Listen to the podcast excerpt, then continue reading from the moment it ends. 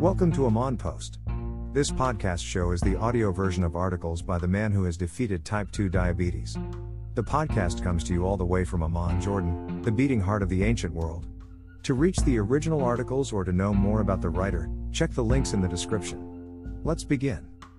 Every other day fasting is eating normally for a day, then fasting the whole day the next day in a repetitive manner.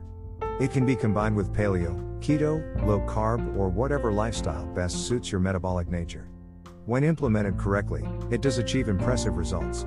The problems with this type of intermittent fasting are that it's too extreme. The week is seven days, so for instance, one Saturday you'll be fasting while the next you'll not be. And last but not least, people tend to think fasting for a full day gives them the right to eat whatever they want on the previous day or on the following day. Kindly do not let me lecture you about gluttony, my fellow humans. What it does to your metabolic health is as bad as what porn addiction does to your spirit. Sure, you fasted for so many hours, but that does not mean you can eat like you know what. Hint, oink. That will cancel out all the benefits of the fast and harm your metabolic health. To be able to get away with a whatever you can eat meal or day, the fast must be substantially longer, a minimum of 5 days. That could be strict fasting or fasting mimicking, which is what I recommend in my SMART protocol. You don't just get away with it, you get tremendous benefits, very similar to watching porn once per week. Life is about balance, my fellow humans. Let's get back to fasting. You can consume as much plain water and black coffee as you wish. Don't add any sweeteners, and don't add any creamers. Don't add a squeeze of lemon to your water, and there's no need for electrolyte supplements. Don't overcomplicate a simple matter, just fast.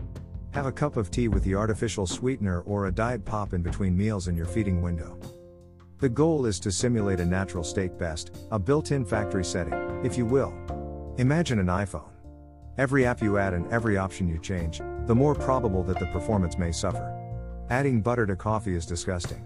If it helps you initially to abide by the protocol, then sure go for it, but eventually, the training wheels should come off. The human body is much more than what triggers an insulin response. That rationale is pathetic, and most fasting advocates that resort to it wants to sell you a product. So no bone broth, BCAAs, coconut oil, MCT oil, butter, electrolyte supplements, and even coffee. If you can eventually take it out, I encourage you to do so. I can't. Avoiding water and all liquids, also known as dry fasting, is a subject of debate among the intermittent fasting community. In my opinion, it is perfectly safe, as Muslims have been doing it every year for centuries during the month of Ramadan. I have friends that dry fast two days a week all year long in addition to fasting Ramadan. Nobody I know has reported anything but benefits. If not for religious reasons, you can try it out a few times a year.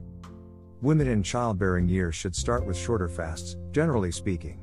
The complexity of the female reproductive system and the vast systemic effects of changing levels of hormones is still not completely understood. Hunger signals can be more intense than in men as body fat needs to remain at a higher percentage. The recommendation for women is to start with 12 to 14 hour fasts and work your way up. Are you going to lose muscle? If you are a terrible partitioner, you will not only maintain muscle's protein, you'll build more muscle protein. The reason is improved nutrient partitioning. The nutrients needed were not appropriately delivered, and now they are. But it's important to understand that what you eat is a primary factor here. If what you eat negatively affects the metabolic health slash nutrient partitioning, you will lose muscle and gain fat regardless of calories. By the way, no manual comes with humans. Calories in equals calories out is just a model based on the first law of thermodynamics. I'm not challenging the first law of thermodynamics, God forbid. I'm questioning the outdated model of burning foods in a calorimeter and the assumptions built on that. In bad partitioners, calories in becomes a secondary factor, with the partitioning efficiency topping the list. If you cannot deliver what you eat correctly, you cannot build muscle or lose fat. What you eat and when you eat supersedes in importance the number of calories consumed.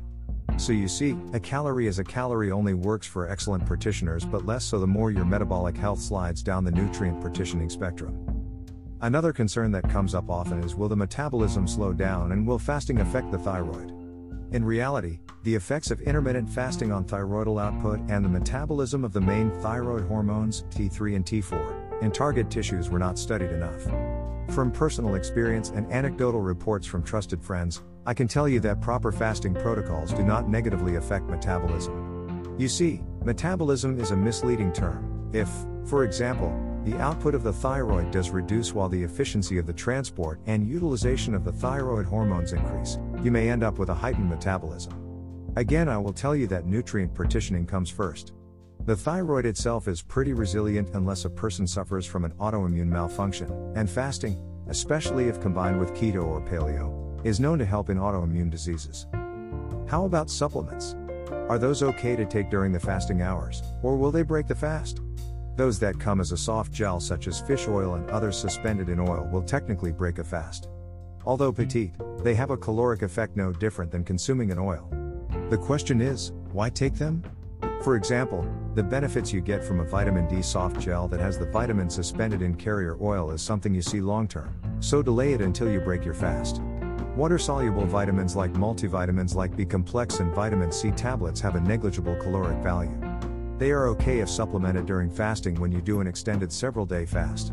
For a 16 hour or a 20 hour fast, you do not need to supplement during the fasting period. Take your supplements with your meal slash meals.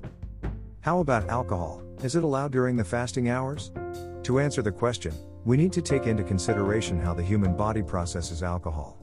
Alcohol, ethanol, is treated as a poison and is given priority over other macronutrients. Ethanol is assumed to provide energy per unit weight somewhere in between fats and carbohydrates. That is 7 compared to 9 for fat and 4 calories per gram for carbs.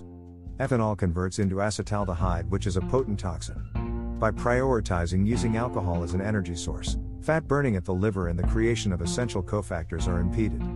Alcohol will definitely break a fast, so if you want to have a drink, do it within your feeding window, preferably after you've eaten some food.